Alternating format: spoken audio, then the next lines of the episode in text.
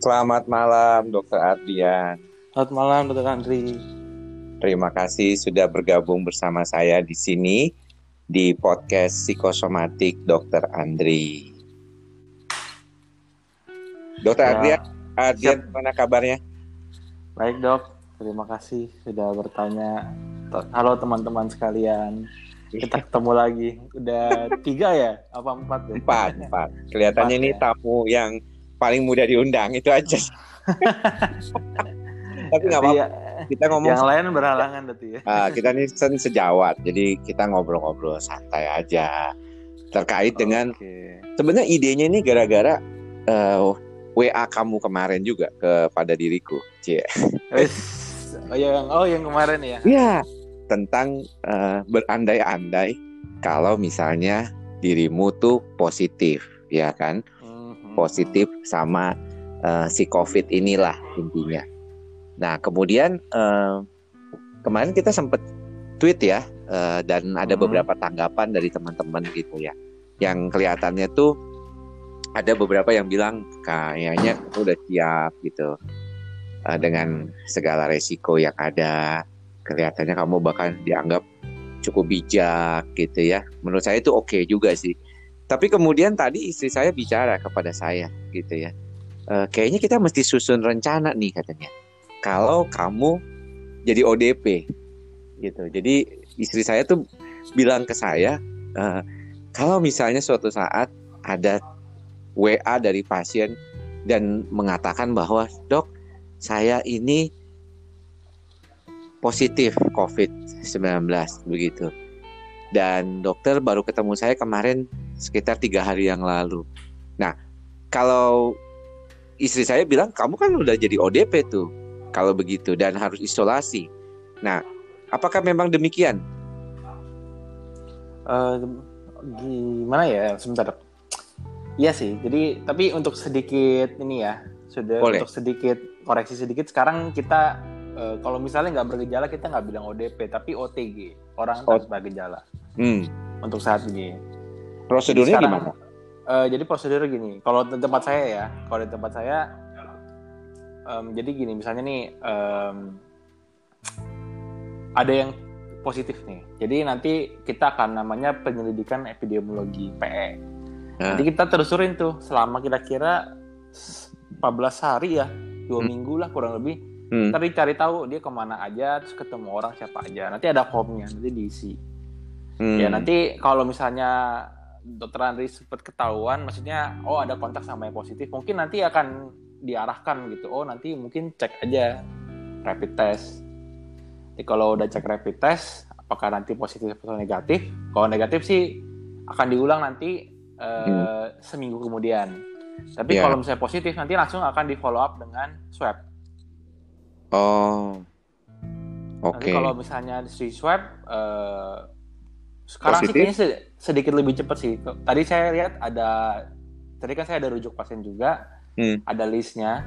Ternyata hmm. cepat juga sih. Mereka diambilnya tuh spesimennya tanggal 12. Eh, spesimennya kayaknya ambilnya nggak seminggu yang lalu deh. Jadi mungkin tiga atau empat hari terus mereka udah keluar hari itu, hari ini. Lumayan. Oke. Okay. Terus kalau misalnya positif? Uh, kalau misalnya positif swabnya nanti uh. akan di ini sih diarahin. Kalau kita sih di orang Jakarta sih ke Wisma Atlet. Tapi kalau teman-teman yang di Tangerang, saya nggak tahu deh ke mana. Uh, tapi nggak boleh di rumah ya, nggak boleh isolasi di rumah ya kalau kayak gitu ya. Untuk saat ini kalau swabnya positif, ya nggak boleh di rumah. Tapi nggak tahu nanti ya, kan kalau misalnya tambah banyak kapasitas rumah sakit atau tempat lain untuk penampungan orang-orang positif COVID-nya terbatas ya mungkin nanti akan disuruh di rumah aja sebagian yang gejalanya sangat minimal atau bahkan nggak bergejala gitu. Oke, okay. kalau negatif? Kalau negatif ya udah nanti uh, ya maksudnya kalau udah negatif ya berarti tidak terbukti kan adanya COVID ya nanti hmm. akan dilepaskan dari status OTG dan ODP itu. Jadi bisa kembali normal seperti bekerja hmm. atau melakukan aktivitas gitu ya? Iya, tapi di saat satu sisi juga ya jangan senang dulu karena kalau misalnya memang tidak kena ya berarti kita belum punya imunitas kan terhadap COVID. Jadi ya kemungkinan nanti sekarang positif bulan depan eh sekarang negatif bulan depan positif kan nggak tahu iya. juga ya. tapi kalau ngelihat begitu jadi serba salah ya kalau dulu kan kita bicara tentang misalnya varicella gitu ya cacar air ya kita kan kepengen kena gitu ya supaya kita nggak kena lagi gitu ya. Kalau sekarang ini kan masalahnya bisa reinfeksi kayaknya ya. Iya memang sih kalau reinfeksi selalu ada kemungkinannya gitu. Cuma ya kita nggak terlalu mikirin itu deh. Jadi yang pasti sih kalau yang ada pasien yang ada yang penting sembuh dengan baik. Terus katanya juga sekarang penelitian terbaru satu minggu ya masih bisa nularin setelah sembuh waduh waduh. merepotkan sekali itu. Jadi harus karantina tiga minggu dan sampai satu bulan kali ya? Iya kalau kemarin kan eh, apa dari salah satu pasien yang saya dengar gitu hmm. iya dua tiga minggu paling cepet itu untuk dia dan dia dalam kondisi baik loh. Jadi selama infeksi eh, ya apa perjalanan penyakitnya ya kayak orang batuk pilek aja gitu. Oh oke. okay.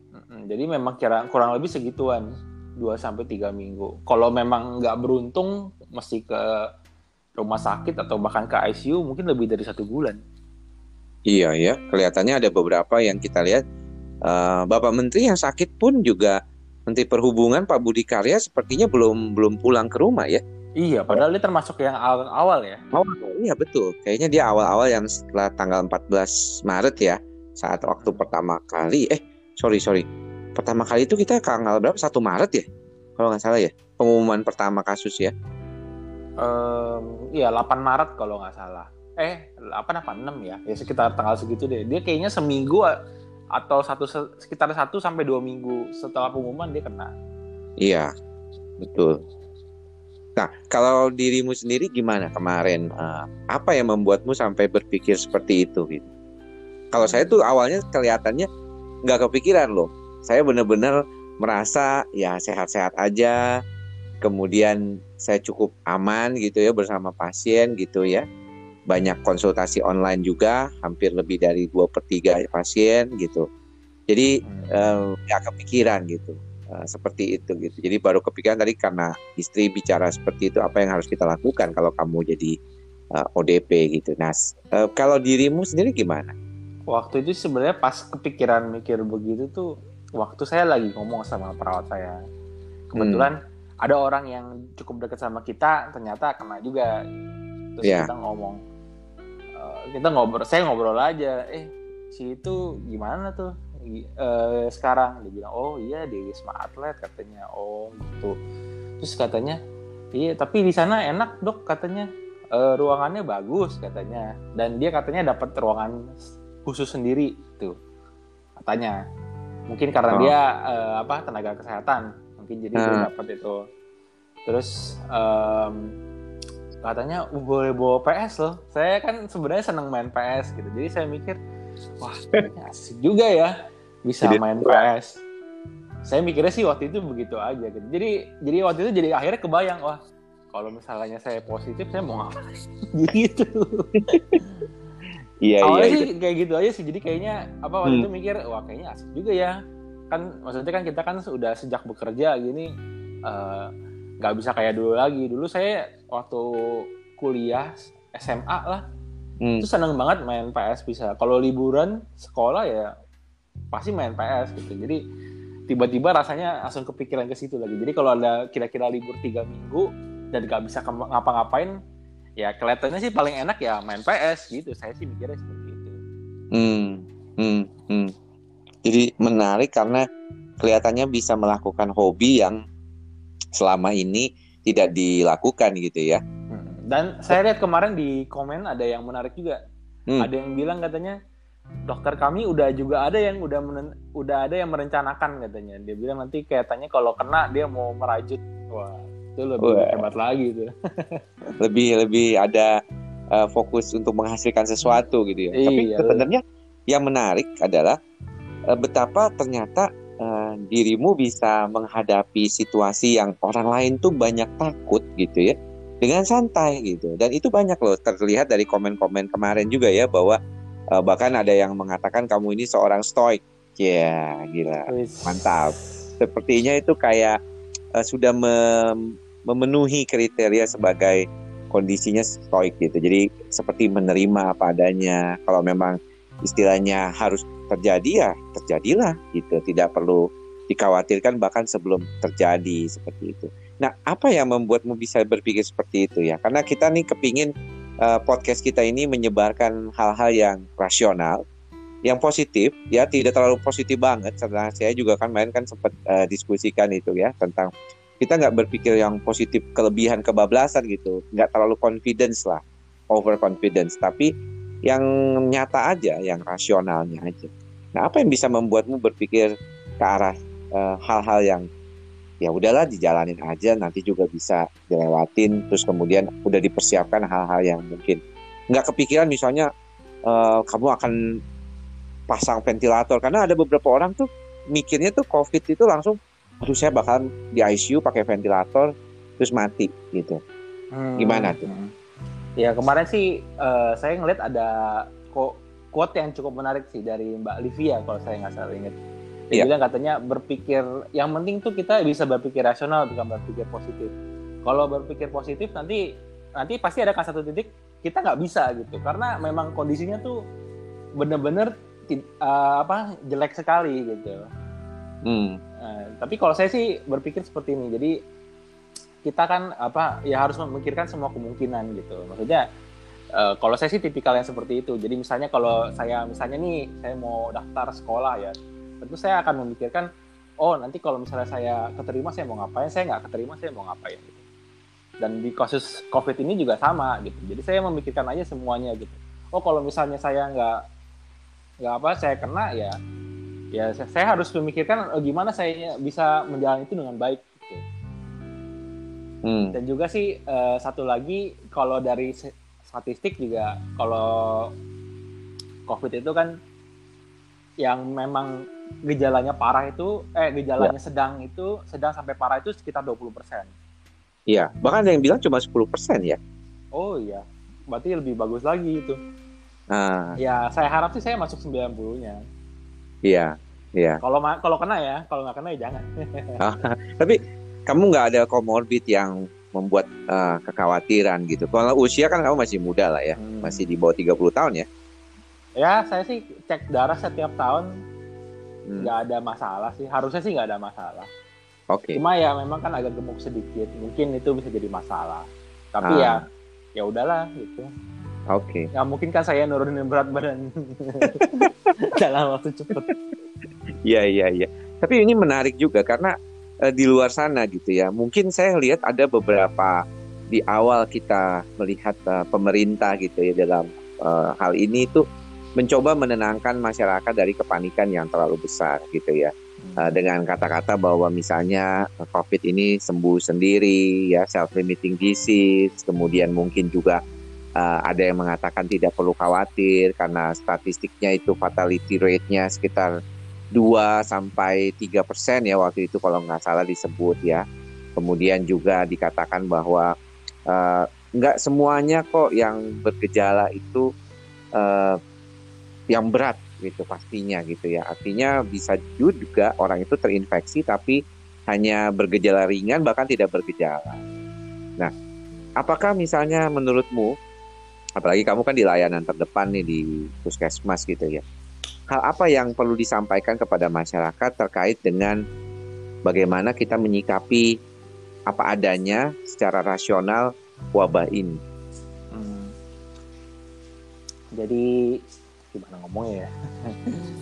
Jadi gini dok, kalau sebenarnya hmm. saya sih ngerti apa yang dinarasikan oleh pemerintah kita. Gitu. Maunya kita nggak hmm. gitu khawatir. Cuma ya uh, kita harus mengerti ini juga kondisi yang serius. Jadi jangan oh ya sudah ini kalau dibilang ini akan sembuh sendiri sebagian besar kasus betul. Cuma jangan bukan karena itu akhirnya oh kita bisa aktivitas seperti biasa lagi enggak dong. Kita di sini kan memang ya kita mau kan itu physical distancing. Jadi yeah. memang tidak berkumpul dalam jumlah besar, um, sangat membatasi kegiatan di luar, terus penggunaan universal mask ya, mask use masking eh mas use yeah. ya universal yeah. mas use itu juga digalakan gitu jadi supaya apa uh, supaya nanti dropletnya nggak ke mana-mana itu udah oke okay sih cuma memang apakah kita bisa melakukan itu dalam level seperti di Cina memang itu sebuah pertanyaan besar gitu hmm. sedangkan kalau sekarang ini kan ini hari kedua dilaksanakannya PSBB di Jakarta ya kan dirimu tinggal di Jakarta bertugas juga di Jakarta ada perbedaan yang dirasakan nah, sebagai orang Jakarta melihat diberlakukannya PSBB selama dua hari ini? Kalau saya sih ngelihatnya nggak begitu beda ya. Soalnya sih memang dari seminggu atau dua minggu sebelumnya tuh memang udah dijalankan gitu. Maksudnya uh, pembatasan sosial pembatasan sosial tuh sudah terlihat gitu, sudah dirasakan. Hmm. Cuma memang kalau mungkin yang memang benar-benar berasa, ya, pas setelah dibilang ketok palu itu, hmm mungkin ya restoran sih saya lihat dulu saya lihat beberapa tempat masih ada yang terima dine in makan di tempat tapi sekarang kayaknya sudah nggak ada yang berani deh untuk makan di tempat semuanya take away hmm. itu sih salah satu terus juga yeah. teman-teman ojek online juga kayaknya sih udah mulai ikat pinggang yang tadinya udah kan cukup kencang sekarang makin kencang. Hmm iya.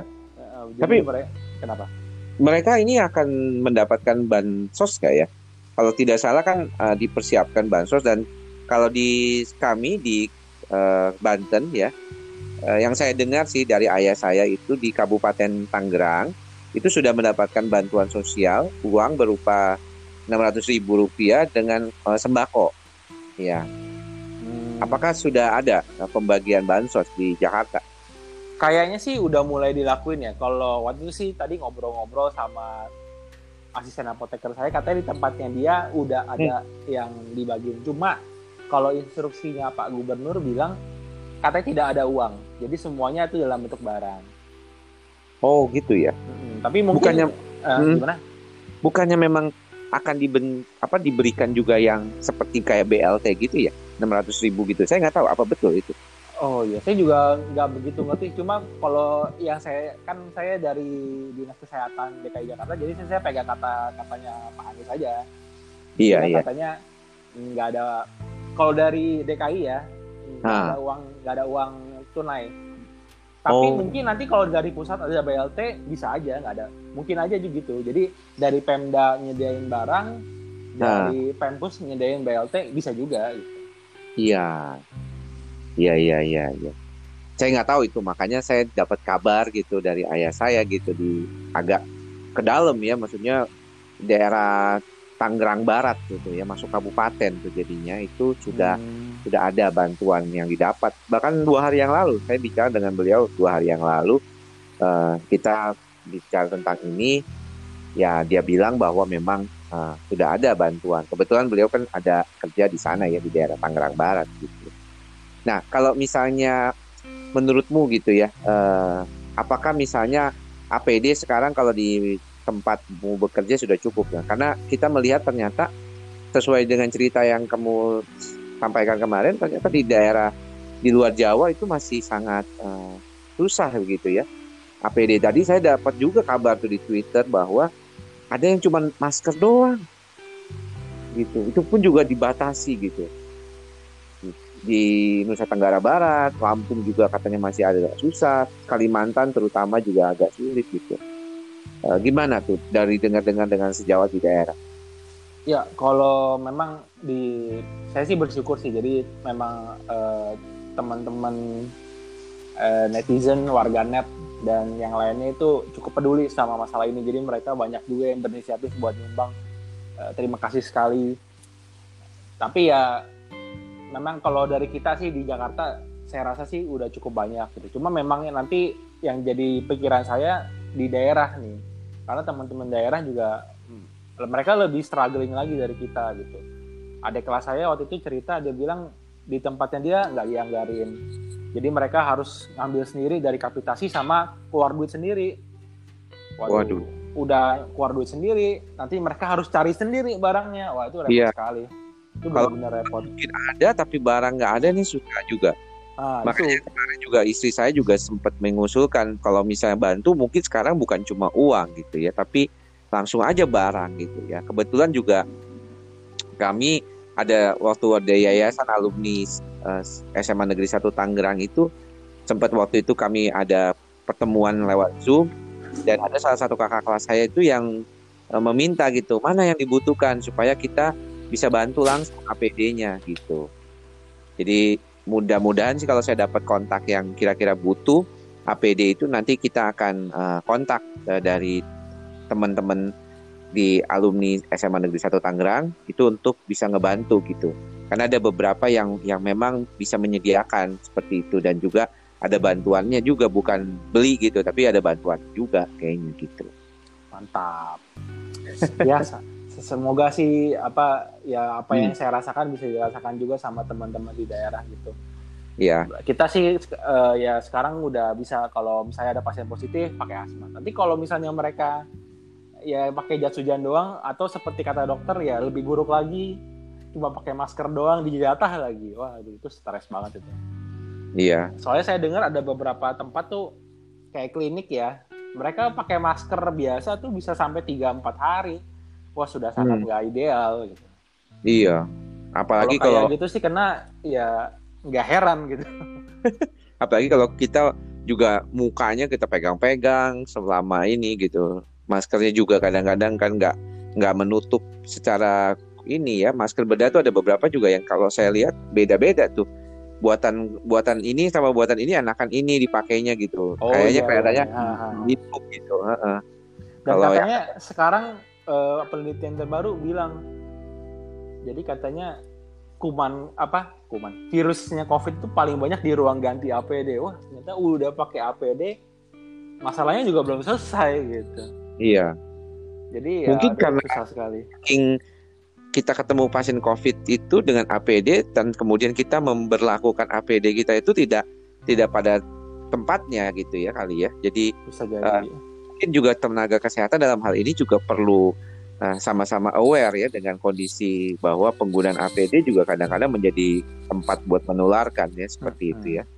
Prinsipnya ya. sih asepsis antisepsis gitu. Mungkin ya jadi kita mungkin masih belajar lagi tuh ilmu-ilmunya pas di ruang operasi itu.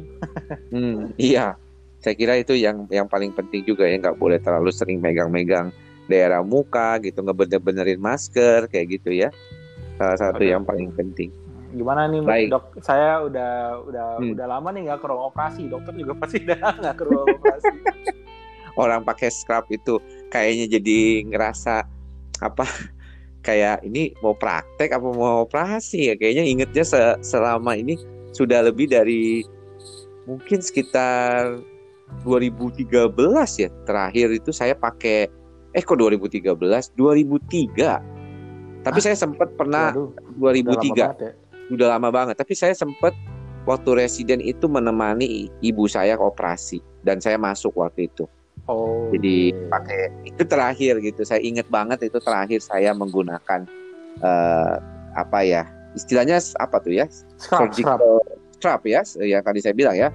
Uh, apa baju bedah ya orang awam bilangnya ya. Surgical uh, apa tuh shirt ya atau saya mau tanya pertanyaan terakhir sebelum kita akhiri.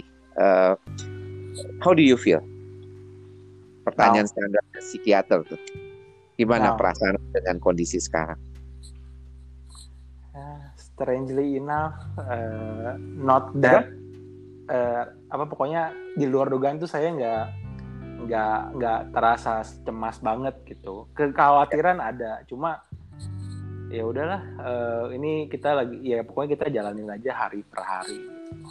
Hmm. Kalau mikir nggak enaknya doang ya stres kita. Jadi ya saya sih saya sih merasa ke selama kok apa uh, covid ini itu selera humor saya tuh lebih agresif gitu hmm.